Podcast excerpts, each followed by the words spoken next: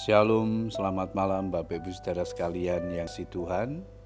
Kita bersyukur kepada Tuhan malam hari ini oleh anugerahnya kita dapat bersama-sama kembali berkumpul dengan keluarga kita untuk bersama-sama berdoa.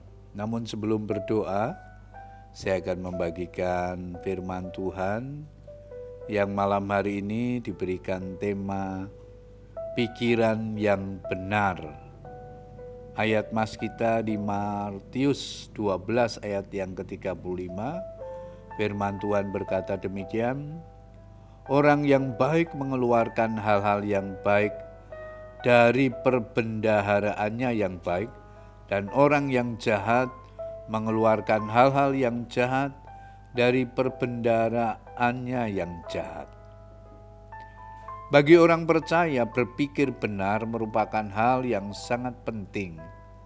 Amsal 23 ayat yang ketujuh menulis, Sebab seperti orang yang membuat perhitungan dalam dirinya sendiri, demikianlah ia. Hal ini menunjukkan bahwa pikiran kita itu berkuasa dan memiliki kesanggupan untuk menciptakan. Karena itulah kita harus berhati-hati dengan apa yang kita pikirkan. Kita tahu bahwa pikiran kita akan mempengaruhi keberadaan hidup kita kelak.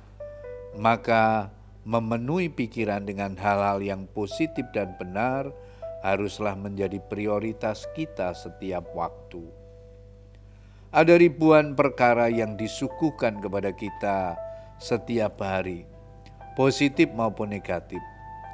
Kita harus bisa menyaring dan memilah-milah mana yang patut ke dalam pikiran kita dan mana yang harus dibuang jauh-jauh.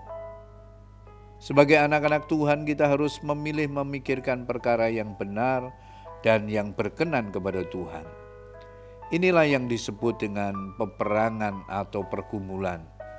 Pada hari ini kepadamu kuperhadapkan kehidupan dan kematian, berkat dan kutuk. Pilihlah kehidupan supaya engkau hidup, baik engkau maupun keturunanmu. Dengan mengasihi Tuhan Allahmu, mendengarkan suaranya, dan berpaut kepadanya Sebab hal itu berarti hidupmu dan lanjut umurmu untuk tinggal di tanah yang dijanjikan Tuhan. Ulangan 30, 19, 20. Jadi apakah kita memilih pikiran yang membawa kepada berkat dan kemenangan atau yang membawa kepada kegagalan atau kehancuran? Ketika kita memikirkan hal-hal yang berasal dari daging, secara otomatis kita akan berjalan dalam daging. Mustahil kita dapat hidup dalam pimpinan Roh Kudus.